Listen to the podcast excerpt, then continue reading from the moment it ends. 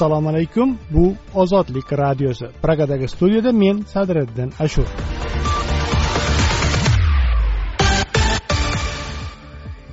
Ozodlikning bugungi dasturida svetsiz o'zbekiston energiya tizimida yirik nosozlik ta'minot bosqichma bosqich tiklanadi. Blekaut o'zbekiston energetik kollapsga tayyor emas tahlilchilar fikrlari. Ukraina rossiya g'arb harbiy mashqlariga yangi sanksiyalar bilan javob qaytaradi. Iqtisodiy va siyosiy savdo. Rossiya tashqi savdoda yana o'zbekistonning birinchi hamkoriga aylandi. Dasturimizdan xalqaro hayot va mintaqa xabarlari ham o'rin olgan bu ozodlik radiosi. Ozodlikda xabarlar. Yigirma oltinchi yanvar xabarlari bilan tanishing. Mikrofon oldida men sadiriddin ashur o'zbekiston energetika vazirligi ijtimoiy tarmoqlarda poytaxtda gaz ta'minoti to'xtatiladi mazmunida tarqalayotgan xabarlar asossiz ekanini bildirdi. Toshkent shahri gaz bilan ta'minlangan biroq bugun yigirma oltinchi yanvar kuni soat o'n to'rtdan o'n yettiga qadar gaz bosimining biroz pasayishi kuzatilishi mumkin deyiladi rasmiy bildiruvda. Vazirlik poytaxtda gaz bosimining pasayishiga yo'l qo'ymaslik bo'yicha barcha choralar tezkorlik bilan amalga oshirilayotgan va soat o'n yettidan keyin gaz bosimi normal normal holatda iste'molchilarga yetkazilishini ma'lum qildi. Ayni paytda samarqand va namanganda gaz zapravkalari ishlamayotgani ortidan shahar shahar atrofi va shaharlararo yo'nalishlarda xizmat ko'rsatuvchi avtobus yo'nalishlarida transport vositalari soni keskin darajada kamayib ketgan. O'zbekiston bo'ylab elektr energiyasi ta'minoti yigirma oltinchi yanvar soat to'qqiz yarim holatiga ko'ra yetmish foizga tiklangan bu haqda energetika vazirligi matbuot kotibi ma'lum qildi.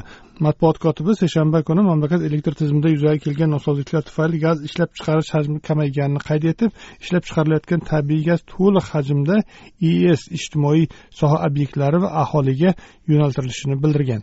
Uy joy kommunal xizmat ko'rsatish vazirligi esa yigirma oltinchi yanvar kuni soat to'qqiz yarimga kelib o'z tizimiga kiruvchi besh yuzta qozonxonadan to'rt yuz qirq to'rttasi o'z ish faoliyatini qayta tiklagani haqida ma'lumot berdi.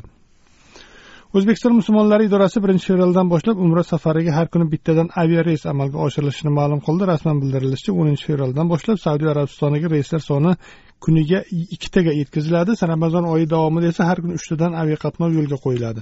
O'n oltinchi yanvar kuni o'zbekiston musulmon idorasi toshkentdan saudiyaga yigirma ikkinchi yigirma beshinchi va yigirma sakkizinchi yanvar kunlari aviareyslar yo'lga qo'yilgani to'g'risida xabar bergandi.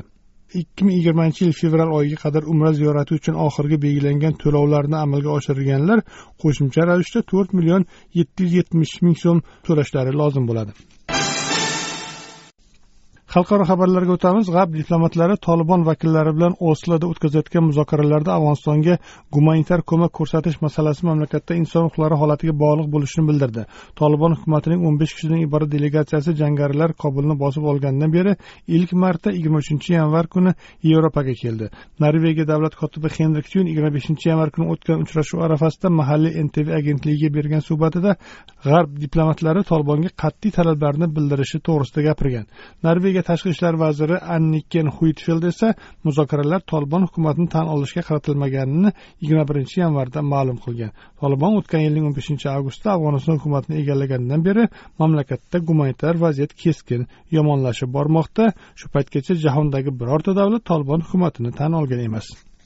Aqshning pfizer va uning germaniyadagi hamkori biontech farmatsevtika shirkatlari koronavirusning omikron shtammiga qarshi vaksinani klinik sinovlardan o'tkaza boshladi. Rasman bildirilishicha vaksina aqshda bir ming to'rt yuz kishida ixtiyoriy ravishda sinab ko'rildi. Mutaxassislar esa vaksinaning ta'sirini kuzatib xulosa chiqaradi. Bunga qadar covid o'n to'qqizga qarshi mavjud vaksinalar omikronga qarshi samarali natija bermayotgani xabar qilingandi. Konflikt intelligensiya tim surishtiruv guruhi rossiya desantchilari ukraina bilan chegaraga tashlanayotganiga oid dalil isbotlarga ega bo'ldi. Gap tiktokda yoyillangan temir yo'l orqali tashilayotgan harbiy texnika videosi haqida bormoqda. U belarus va ukraina bilan chegaradosh bryansk viloyatida suratga olingani aytilgan. Videodagi zirhli texnikalar brezent bilan o'ralgan ammo tadqiqotchi robert li ular desantchi qo'shinlarga oid jangovar mashinalar va parashyut orqali tashlanadigan btrlar ekanligini aniqlaganini urug'lamoqda. Videodan kelib chiqilsa tashlayotgan harbiy texnika soni taxminan qirqdan tashkil qiladi shuningdek poyezdda qariyb ikki yuz ellik askar joylashishi mumkin bo'lgan beshta yo'lovchi vagoni ham bor. Robert li shunga tayanib chegaraga desantchilar batalyoni ko'chirilmoqda deya xulosa yasagan. Xabarlar bilan tanishdingiz boshqa yangiliklar ozodlik org saytida. Dasturlarimizni ozodlik nuqta org sayti ozodlikning youtubedagi sahifasi android va apple telefonlari uchun ishlangan ilovalarimizda onlayn tinglashingiz mumkin. O'zbekiston va dunyo yangiliklarini ozodlikda kuzating. Ozodlikda dolzarb mavzu o'zbekiston va qo'shni ikki davlat qozog'iston hamda qirg'izistonda mintaqa tarixida muqaddam kuzatilmagan ko'lamdagi elektr tokining uzilishi zulmat yoki blekaut yuz berganidan beri bir sutka o'tdi. Yigirma beshinchi yanvar kuni toshkent vaqti bilan soat o'n birlarda o'zbekistonning aksar hududida qo'shni qirg'iziston va qozog'istonning ham kattagina qismida elektr toki birdan uzilib qoldi. Rasmiy ma'lumotga ko'ra blekaut turli hududlarda taqriban uch soatdan o'n soatgacha davom etgan. Ammo mamlakat tarixida kuzatilmagan mislsiz texnogen hodisadan bir kun o'tib ham o'zbekistonning ayrim hududlari xususan qashqadaryoning aksar qismida hanuz chiroq yongani yo'q. Ayni paytgacha o'zbekistonning yetmish besh foiz qismida elektr ta'minoti tiklangan. Bu haqda xalqaro press klub sessiyasida energetika vazirligi boshqarma boshlig'i abdumalik nazirov ma'lum qildi. Shuningdek u yigirma beshinchi yanvar kungi blekautning rasmiy xronologiyasini ham bayon qildi. Energetika vazirligi matbuot kotibi elmira bekmurodovaning aokda o'tkazilgan brifingda ma'lum qilishicha seshanba kuni mamlakat elektr tizimida yuzaga kelgan nosozliklar tufayli gaz ishlab chiqarish hajmi ham kamaygan. Shu bois ishlab chiqarilayotgan tabiiy gaz to'liq issiqlik elektr stansiyalari ijtimoiy soha obyektlari va aholiga yo'naltirilishi bildirildi. Buning oqibatida yigirma oltinchi yanvardan boshlab avtomobillarga gaz to'ldirish kompressor stansiyalari faoliyatiga vaqtinchalik cheklov kiritildi. Ijtimoiy ahamiyatga ega bo'lmagan yuridik iste'molchilarga esa tabiiy gaz yetkazib berish vaqtincha to'xtatildi. Facebook telegram instagram odnoklassniki kabi ijtimoiy tarmoqlarda qoldirayotgan postlarga ko'ra o'zbekistonning aksar qismida elektr ta'minoti tiklangan tabiiy gazga ulangan hududlarda tabiiy gaz ham berila boshlagan ammo aynan tabiiy gaz ta'minoti bobidagi xabarlar turlicha. Masalan ayrim hududlarda namanganda jumladan seshanba kuni elektr uzilgan paytda tabiiy gaz bosimining ortgani kuzatildi. Ammo bugunga kelib barcha tabiiy gazga ulangan hududlarda aslida past bosimning yanada pasaygani qayd etilmoqda. Buni hali aytib o'tganimizdek hudud gaz ta'minot jamiyati ham tan oldi.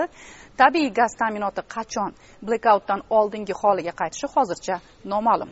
Bundan tashqari aksar yirik shaharlarda markaziy isitish tizimiga ulangan uylar hanuz isimagani haqidagi shikoyatlar ham ko'p va bu qozonxonalarning bosqichma bosqich ishga tushayotgani bilan bog'liq ekani rasman izohlandi. Ichimlik suv borasida ham rasmiy bayonotlarga zid ravishda bir tekis ta'minot kuzatilmayotir. Hatto toshkent shahrining ayrim hududlariga suv yetkazib berilmagani natijasida yigirma beshinchi yanvar kechga yaqin aholiga suv yetkazib beruvchi ko'ngilli mobil guruhlar paydo bo'lgani kuzatildi. Yana bir jiddiy masala mamlakat bo'ylab yoqilg'i quyish shoxobchalarida navbatlarning paydo bo'lgani ya'ni tabiiy gaz va umuman yonilg'i ishlab chiqarish keskin ozaygani bois oltmish to'rtta tabiiy gaz koni ishi to'xtatilgan. Bu esa oxir oqibat shoxobchalar va aholi uylaridagi ta'minotni izdan chiqardi. Tarmoqda ko'p aylanayotgan yana bir qiziq xabar mamlakat bo'ylab sham narxining bir yarim ming so'mdan yetti ming so'mga oshib ketgani bo'ldi. Hatto toshkentning o'rikzor bozorida ham ayni holat qayd etildi. Hozirga kelib bozorlarda ahvol oldingi holiga qaytgan osoyishtalik kuzatilayotgani xabar qilinmoqda ammo bu osoyishtalik sham narxini tushirmagan. Kuzatilishicha bozorlarda sham narxi to'rt yarim ming besh ming so'm atrofida qolmoqda. Ammo mamlakat tarixida misli ko'rilmagan bu hodisadan hukumat qanday xulosa chiqardi? Xulosa chiqardimi? Bu savoldan ham avval keladigan savol bu hodisadan davlat qancha zarar ko'rdiyu biznes va aholi qancha zarar ko'rdi? Bu savollarga hozircha javob yo'q. Iqtisodiy zarar ko'lami o'rganilayotgani aytilgan ammo sog'liqni saqlash vazirligi mamlakatdagi barcha tibbiyot muassasalarini bundan keyin alohida elektr energiyasi ta'minoti tizimiga ulash chorasi ko'rilishi haqida birinchilardan bo'lib bayonot berdi. Yigirma beshinchi yanvar kuni o'zbekiston zulmatga cho'mgan bir paytda birinchi tilga olingan xavotirlardan biri aynan shifoxonada yotgan va hayoti turli elektron qurilmalar jarrohlik stollari va boshqa ta'minot manbalariga qaram bo'lgan bemorlar hayoti haqida bo'ldi. Shu bois sog'liqni saqlash vazirligi rasmiylari bu borada muttasil bayonotlar berib bordi. Vazirlik rasmiylarining zangotadagi shifoxonaga borib koronavirus bemorlari ahvoli bilan tanishgani aytildi. Ammo ozodlikka kelayotgan xabarlarga ko'ra toshkent shahri va respublikadagi boshqa shaharlarda shifoxonalarda ahvol og'ir bo'lgan. Hatto svetdan uzilgach na issiq na sovuq suv na fonar va na sham bo'lgan shifoxonalarning shifokorlari tarmoqlarda xavotirlar bilan post qoldirgani kuzatildi. Tabiiyki asosiy savol hodisadan keyin insoniy talafot ko'rildimi? Ayniqsa og'ir ahvoldagi bemorlar qolayotgan shifoxonalarda vaziyat qanday degan savoldir. Bu savolga hozircha ozodlikda aniq rasmiy javob yo'q ammo sog'liqni saqlash vazirligi bergan rasmiy ma'lumotga ko'ra so'nggi kecha kunduzda koronavirusdan o'lgan bemorlar soni to'rt nafar. Boshqa o'lim holati bilan bog'liq rasmiy ma'lumot hozircha yo'q. Dolzarb mavzu. Blackout o'zbekiston energetik kollapsga tayyor emas demoqda tahlilchilar tafsilotlar bilan hurmat bobojon. Yigirma beshinchi yanvar kuni o'zbekiston energiya tizimidagi yuz bergan yirik nosozlik deyarli butun mamlakatni bir necha soat davomida elektrsiz qoldirdi. Blackout markaziy osiyoning yagona elektr tarmog'iga ulangan qo'shni davlatlar qozog'iston qirg'izistonning yirik shaharlarida ham kuzatildi. Millionlab aholi elektr energiyasiz qoldi. Toshkentda metro to'xtab qoldi chorrahalarda svetoforlar ishlamadi aeroport faoliyati izdan chiqdi favqulodda xizmatlar amirsoy tog' chang'i kurortidagi arxon yo'li hamda toshkentda liftlarda qolib ketgan fuqarolarni qutqardi. Aholini vahimaga berilmaslikka chaqirdi mamlakat bo'ylab yirik korxonalar jumladan o'zbek neft tasarrufidagi oltmish to'rtta kon faoliyatini vaqtincha to'xtatganini bildirdi. Qirg'iziston va qozog'iston bir necha soat ichida elektr ta'minoti to'liq qayta tiklanganini e'lon qilarkan o'zbekiston energetika vazirligi mahalliy vaqt bilan kech to'qqiz yarimlardan o'tib mamlakatda elektr energiyasi ta'minoti qirq besh foizga tiklanganini bildirdi. Rasmiylar elektr ta'minotidagi yirik uzilishlarning iqtisodiyotga keltirgan zarari hisoblab chiqilishini aytishmoqda. Prezident shavkat mirziyoyev vaziyatni nazoratga olganini aytmoqda. Energetika ta'minotidagi nosozlik sabablarini aniqlash va bartaraf etish bo'yicha hukumat komissiyasi ham tuzilgan. Ayni paytda mintaqaning katta qismini elektrsiz qoldirgan energiya tizimidagi avariya sabablari borasida o'zbekiston va qozog'iston energetiklari ilgari surgan rasmiy farazlar bir biridan farq qiladi. O'zbekiston energetika vazirligi avvaliga e, bunda qozog'istonni ayblab chiqqandi go'yo qozog'istondagi avariya bunga sabab bo'lgan. Ammo qozog'iston tomoni o'zbekistondagi nosozlik sabab bunday holat yuz berganini aytib chiqdi. Qozog'istonning kegok energetika shirkati bayonotida markaziy osiyo energetika tizimining o'zbekiston va qirg'iziston qismidagi jiddiy favqulodda muvozanatsizlik tufayli uzilish bo'lgani aytiladi. Qozog'istonlik energetika sohasi eksperti kegok sobiq rahbar aset navruzboyevning aytishicha o'zbekistondagi muammolar tufayli qozog'iston janubidagi shaharlarda elektr energiyasi birinchi marta uzilayotgani yo'q oldin ham ikki marta shunga o'xshash uzilishlar bo'lgan. O'tgan yil yanvar oyida o'zbekistonda mirziyoyev prezidentligi davrida qurilgan talimarjon issiqlik elektr stansiyasida har birining quvvati to'rt yuz ellik megavat bo'lgan ikkita energoblok ishdan chiqqani sababli qashqadaryo viloyatining sakkiz tumani elektrsiz qolgandi. O'shanda ham markaziy osiyo elektr halqasidagi qozog'iston va qirg'izistonning ayrim hududlarida elektr tizimida vaqtincha uzilishlar bo'lgan. ikki ming yigirma birinchi yil beshinchi yanvarda yuz bergan bu hodisa ortidan qozog'iston va qirg'iziston rasmiylari elektr energiyasi ta'minoti yarim soat ichida qayta tiklanganini aytishgan. O'zbekistonda halokat oqibatlarini bartaraf etish esa oltinchi yanvar kuni ham davom etgan edi. Qozog'iston qirg'iziston va o'zbekiston markaziy osiyoning yagona energetika halqasida birlashgan. Yagona energetika tizimi loyihasi sovet davrida ishlab chiqilgan bo'lib sssr parchalanganidan keyin integratsiya bir ming to'qqiz yuz to'qson yettinchi yildagi maxsus kelishuv bilan tijoriy aloqalar asosida rasmiylashtirildi. Dastlabki bosqichda turkmaniston va tojikiston ham integratsiya tarkibida edi. Murakkab tizim beshta davlatning sakson uchta elektr stansiyasini birlashtiradi. Mutaxassislarning tushuntirishicha markaziy osiyo birlashgan energetika tizimi shunday tuzilganki agar biror energiya tuguni o'chiriladigan bo'lsa boshqa joylarda elektr energiyasi uzilishlari sodir bo'ladi. Tizim toshkentdagi muvofiqlashtiruvchi dispetcherlik markazi tomonidan boshqariladi. Biroq mutaxassislarga ko'ra o'zaro kelishuvlarga qaramasdan energetika sohasidagi hamkorlik haqiqiy va o'zaro manfaatli bo'lmagan. Qozog'istonlik ba'zi tahlilchilar fikricha ishtirokchi davlatlar tomonidan faqat o'z ehtiyojlarini qondirishga bir necha bor urinishlar qilingan. Shu bilan birga ushbu harakatlar tizimli avariyalar va dispetcherlik rejimlarining buzilishiga olib kelgan. Mintaqaning eng yirik energiya tizimiga ega o'zbekiston ham ikki ming to'qqizinchi yilda yagona energetika tizimidan chiqqan. O'shanda bu qaror siyosiy va rasmiy toshkentning tojikistondagi rog'un gesi qurilish loyihasidan noroziligi bilan bog'langan. Shavkat mirziyoyev hokimiyatga kelgach ikki ming o'n oltinchi yilda o'zbekiston tizimga qayta qo'shildi. Hozirgi vaqtda qozog'istonning yagona elektr tarmog'i rossiya va markaziy osiyoning yagona energiya tizimi bilan parallel ravishda ishlaydi. O'tgan oy moskvada bo'lib o'tgan yevrosiyo kongressida tojikiston sanoat va yangi texnologiyalar vaziri o'z davlati kelasi yildan energetika halqasiga qo'shilishini bildirgandi.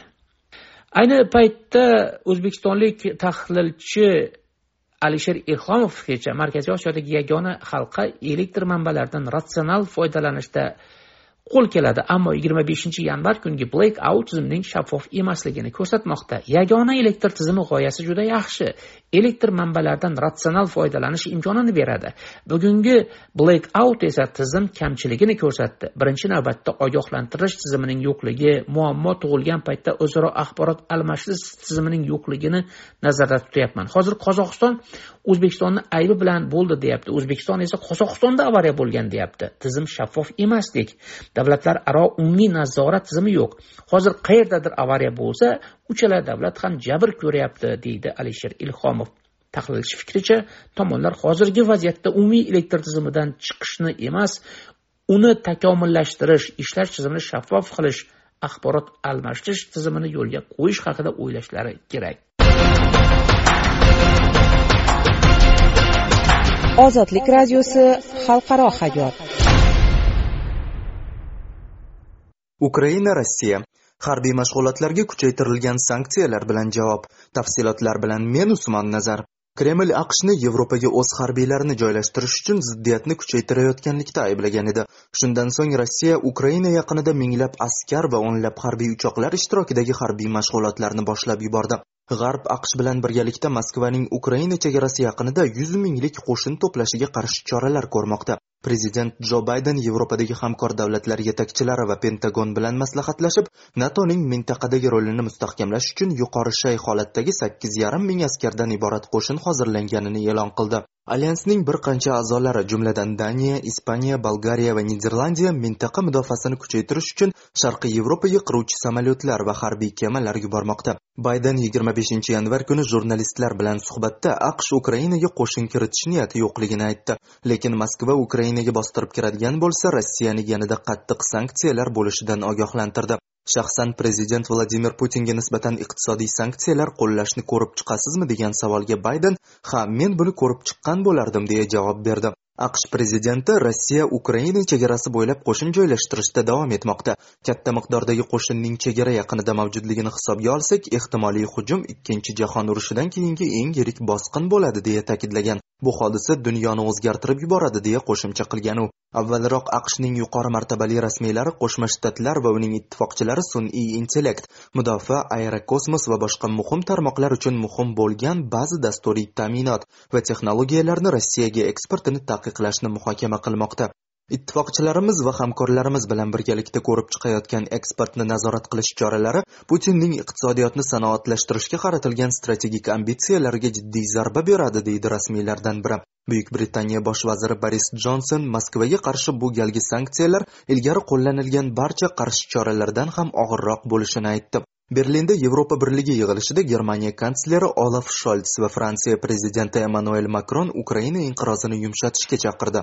Biz rossiyadan keskinlikni yumshatadigan aniq qadamlarni kutyapmiz dedi sholts makron putin bilan 28 yanvar kuni telefon orqali muloqot qilishini ma'lum qilib agar harbiy tajovuz bo'lsa bunga javob qaytarilishi va bu qimmatga tushishini yana bir bor eslatdi. Avvalroq rossiya harbiylari ukraina yaqinidagi rostov va krasnodar o'lkalarida hamda bosib olingan qrim hududida olti mingga yaqin askar va kamida oltmishta qiruvchi samolyot ishtirokida harbiy mashg'ulotlar boshlagani xabar qilingandi. Kreml matbuot kotibi dmitriy peskovning aqsh keskinlikni kuchaytirmoqda va moskva aqshning harakatlarini diqqat va jiddiy xavotir bilan kuzatmoqda degan bayonotlaridan so'ng rossiya axborot agentliklari o't ochish mashqlarini jangovar tayyorgarlikni tekshirish deb ta'riflagan. Rossiyaning harbiy mashg'ulotlari qancha davom etishi haqida hech qanday ma'lumot yo'q. Ukraina prezidenti vladimir zelenskiy televideniye orqali o'z vatandoshlarini xotirjam bo'lishga chaqirdi. Rossiya germaniya va fransiya rahbarlari o'rtasida uchrashuv o'tkazish bo'yicha ish olib borilayotganini aytdi. Rangli ko'zoynaklar bolalarcha illyuziya yo'q hammasi oddiy emas lekin umid bor degan u. Mudofaa vaziri oleksiy reznikov parlamentga rossiya yaqin orada bostirib kirish haqidagi fikrlarga asos yo'qligini aytdi. Kanada rossiyaning davom etayotgan harbiy hozirligi va ukraina atrofidagi beqarorlikni keltirib chiqarishi ortidan kiyevda joylashgan diplomatlarning oilalarini olib ketayotganini ma'lum qilgan. Qo'shma shtatlar va nato putinga o'z harbiylarini ukraina chegaralaridan olib chiqishni so'rab rossiya hujumi iqtisodiy sanksiyalarga va sharqiy yevropada nato ishtirokini yanada kuchaytirish haqida ogohlantirdi. Aqsh ma'muriyati rasmiysining aytishicha vashington bryussel va boshqa hamkorlar bilan rossiya yevropaga gazni uzib qo'ygudek bo'lsa ko'riladigan favqulodda choralar ustida ishlamoqda. Rossiya yevropaning tabiiy gazga bo'lgan ehtiyojining o'ttiz besh foizini qondiradi. Bu ayniqsa qish oylarida yanada dolzarb ahamiyatga ega. Yevropada tabiiy gaz narxlari ta'minot tortilgan pallada allaqachon rekord darajaga yaqinlashdi. Rossiyaning gaz eksportini cheklashi yevropa iqtisodiyotiga jiddiy ta'sir ko'rsatishi mumkin. Qo'shma shtatlar yaqin sharq va shimoliy afrika mamlakatlari bilan yevropaga gaz hajmini oshirish haqida gaplashayotganini ma'lum qilgan aqsh rasmiysi. Qo'shma shtatlar yevropaga suyultirilgan gaz yetkazib berishni tezlashtirishga harakat qilmoqda deya qo'shimcha qildi rasmiy. Yevropa ittifoqi a'zolarining rossiyaga nisbatan yondashuvlari bir biridan keskin farq qiladi. Germaniyaning yangi hukumati ukrainaga mudofaa qurollarini yuborishdan bosh tortgani uchun kiyevning tanqidiga uchradi. Yevropa ittifoqining eng kuchli iqtisodiyoti bo'lgan germaniya ham muhokamadagi eng qattiq iqtisodiy sanksiyalardan biri. Moskvani global swift to'lov tizimidan uzib qo'yish borasida ikkilanib turibdi. Fransiya hukumati avvalroq rossiya va ukraina rasmiylari fransuz va nemis hamkasblari bilan 26 yanvarda parijda uchrashib masalaga yechim topish yo'lini ma'lum qilgan edi. Kreml yuzaga kelgan vaziyatdan foydalanib o'zining yevropada xavfsizlik arxitekturasini qayta ko'rib chiqish talablarini o'rtaga tashladi. Moskva ukrainani natoga qo'shilmasligini istaydi va alyans kuchlarini sharqiy yevropadan olib chiqib ketilishiga erishmoqchi. Shu oyda rossiya va g'arb o'rtasidagi to'rtta oliy darajadagi diplomatik muloqotlar muvaffaqiyatsiz tugagan. Vashington va uning ittifoqchilari rossiyaning aksariyat talablari ko'rib chiqilmasligini aytgan. Ammo ular qurol nazorati raketalarni joylashtirish va o'zaro ishonchni mustahkamlash choralarini muhokama qilishga tayyorligini ta'kidlab kelmoqda. Ozodlik radiosi instagram tarmog'ida. Kundalik xabarlar audio video lavhalarimizni kuzatishingiz do'stlaringiz bilan osongina ulashishingiz mumkin. Lotinda ozodlik radiosi deb qidiring.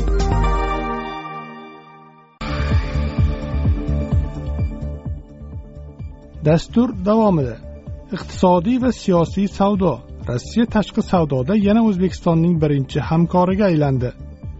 Transparency international qozog'istondagi namoyishlar elitar korrupsiyaga ko'z yumish oqibatidir. Davlat xavfsizlik xizmati va jabrlanuvchi blogerlar miraziz bozorov o'zining aybsizligini ta'kidlamoqda. Dasturimizning ikkinchi qismidan esa taniqli publitsist sharof ubaydullayevning ozod nazarini tinglaysiz. Prezident bir kunda o'n ming sakkiz kishini ishdan bo'shatdi. Bu ozodlik radiosi.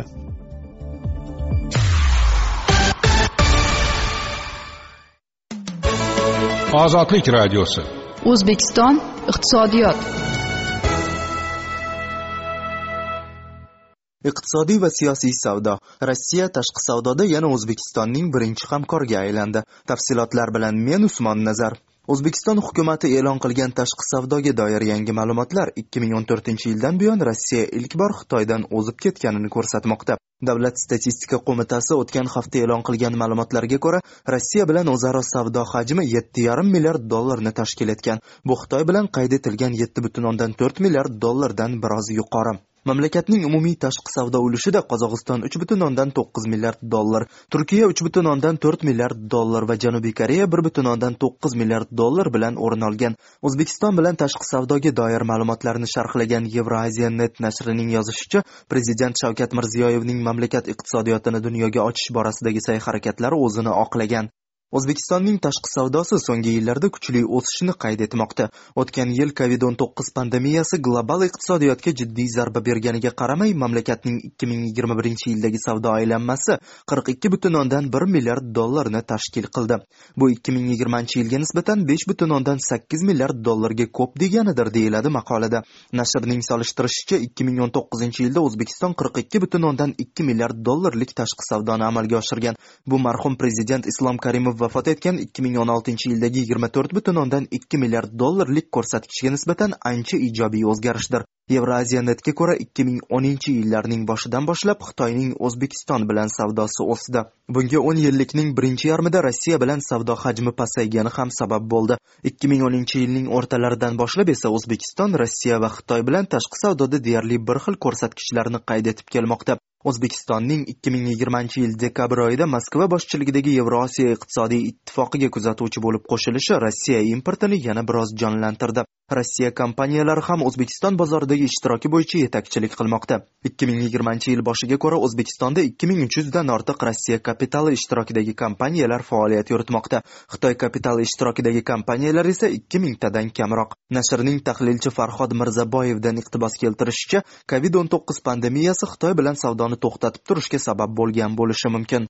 Xitoy bilan logistika zanjiri murakkablashdi. Buning ortidan transport xarajatlari oshdi. Menimcha bularning barchasi vaqtinchalik. Agar o'zbekiston yevrosiyo iqtisodiy ittifoqiga qo'shilmasa xitoy tez orada yana yetakchilik mavqeini tiklaydi deb aytgan o'zbekistonlik tahlilchi. Евразия net O'zbekiston hukumatining tabiiy gaz eksportini to'xtatish qarori kelgusi ko'rsatkichlarga ta'sir qilishi mumkinligini taxmin qilmoqda. Avvalroq Energetika vazirligi rasmiysi gaz eksporti to'liq to'xtatilgani va hozirda faqat ichki iste'molchilarga yetkazib berilayotganini aytgan. O'zbekiston gazni asosan Xitoyga eksport qilib kelgan. 2021 yilning yanvar oktyabr oylarida mamlakat Xitoyga 4 milliard kub metr gazni 600 million dollarga sotgan. Rossiya O'zbekiston bilan gaz oldi-sottisini 2020 yildayoq to'xtatgan deb yozadi Net. Ayni paytda tashqi savdoda Rossiya ulushining ortishi o'zbekistonlik ayrim iqtisodchilar nazarida xavotirli tendensiyadir.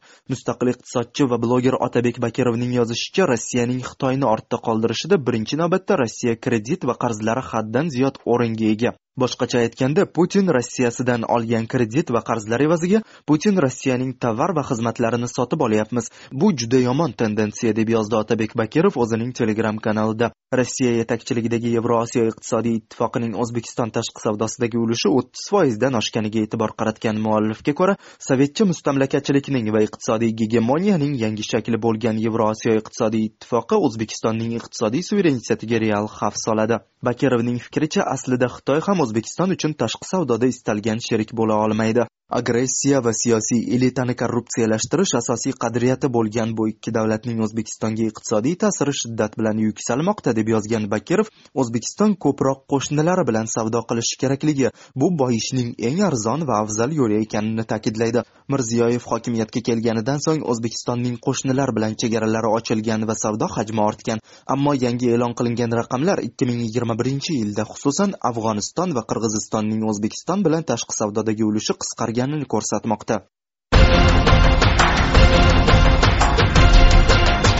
Ozodlik radiosi xalqaro hayot. Nato ukraina bilan bog'liq vaziyat tufayli sharqiy yevropaga kema va qiruvchi uchoqlar yo'llamoqda tafsilotlar bilan gulasal. Natoga a'zo mamlakatlar ukraina bilan bog'liq vaziyat tufayli o'z kuchlarini shaylik holatiga keltirmoqda va sharqiy yevropaga qo'shimcha kuch kemalar va qiruvchi uchoqlarni yo'llamoqda. Bu haqda shimoliy atlantika ittifoqining rasmiy sayti ma'lumot tarqatdi. Daniya boltiq dengiziga fregat jo'natgan va havo hududida navbatchilik qilish missiyasini dastaklash uchun litvaga to'rtta f o'n olti qiruvchi uchog'ini yo'llashga hozirlanmoqda. Ispaniya nato harbiy dengiz kuchlariga qo'shilishi uchun o'z kemalarini yuborgan. Shuningdek bolgariyaga qiruvchi uchoqlarni yo'llash imkoniyatini ko'rib chiqmoqda. Fransiya o'z askarlarini ruminiyaga tashlashga tayyorligini bildirgan. Hollandiya sharqiy yevropa havo hududini qo'riqlash uchun ikkita f o'ttiz besh qiruvchi uchog'i bitta kema hamda quruqlikda harakat qiluvchi bo'linmalarni bolgariyaga yuboradi. Aqsh esa sharqiy yevropa yevropadagi kuchlarni oshirish imkoniyatini o'rganayotgani haqida bayonot bergan. Bizga qo'shimcha kuchlar taqdim etayotgan ittifoqchilarimizni olqishlayman. Nato o'z ittifoqchilarini himoya qilish uchun barcha zarur choralarni ko'radi. Biz xavfsizlik bilan bog'liq vaziyat yomonlashuviga hamisha o'z vaqtida munosabat bildirib jamoaviy mudofaani mustahkamlaymiz degan nato bosh kotibi yens stoltenberg. Ikki ming yigirma birinchi yil mart oyida konflikt intelligence team tadqiqotchilari rossiya armiyasi artilleriya va tanklarni moto o'qchi va desantchi harbiy bo'linmalarni ukraina bilan chegara yaqiniga keltirayotgani haqida yozgan. Ukraina bilan chegaradosh voronej viloyatida hatto iskandar raketa majmualari borligi aniqlangan. ikki ming yigirma ikkinchi yil yanvarida cit rossiya shaxsiy tarkib va harbiy texnikani g'arbiy chegaralariga tashlayotganiga doir yangi dalillarni e'lon qilgan. Aqsh va yevropa rossiya qo'shinlari chegaradan o'tgan taqdirda keskin sanksiyalar joriy etishga tayyorligini bildirgan. Moskva harbiy amaliyotga hozirlanayotganini rad etib kelyapti. Qo'shinlar harakatini esa harbiy mashqlar deya izohlamoqda. Ozodlik whatsapp va telegramda. Plyus to'rt yuz yigirma yetti yuz yigirma to'rt to'qqiz yuz yetmish bir besh yuz o'ttiz to'qqiz. Plyus to'rt yuz yigirma olti yuz ikki olti yuz o'n ikki yetti yuz o'n uch. Marhamat bizga bog'laning.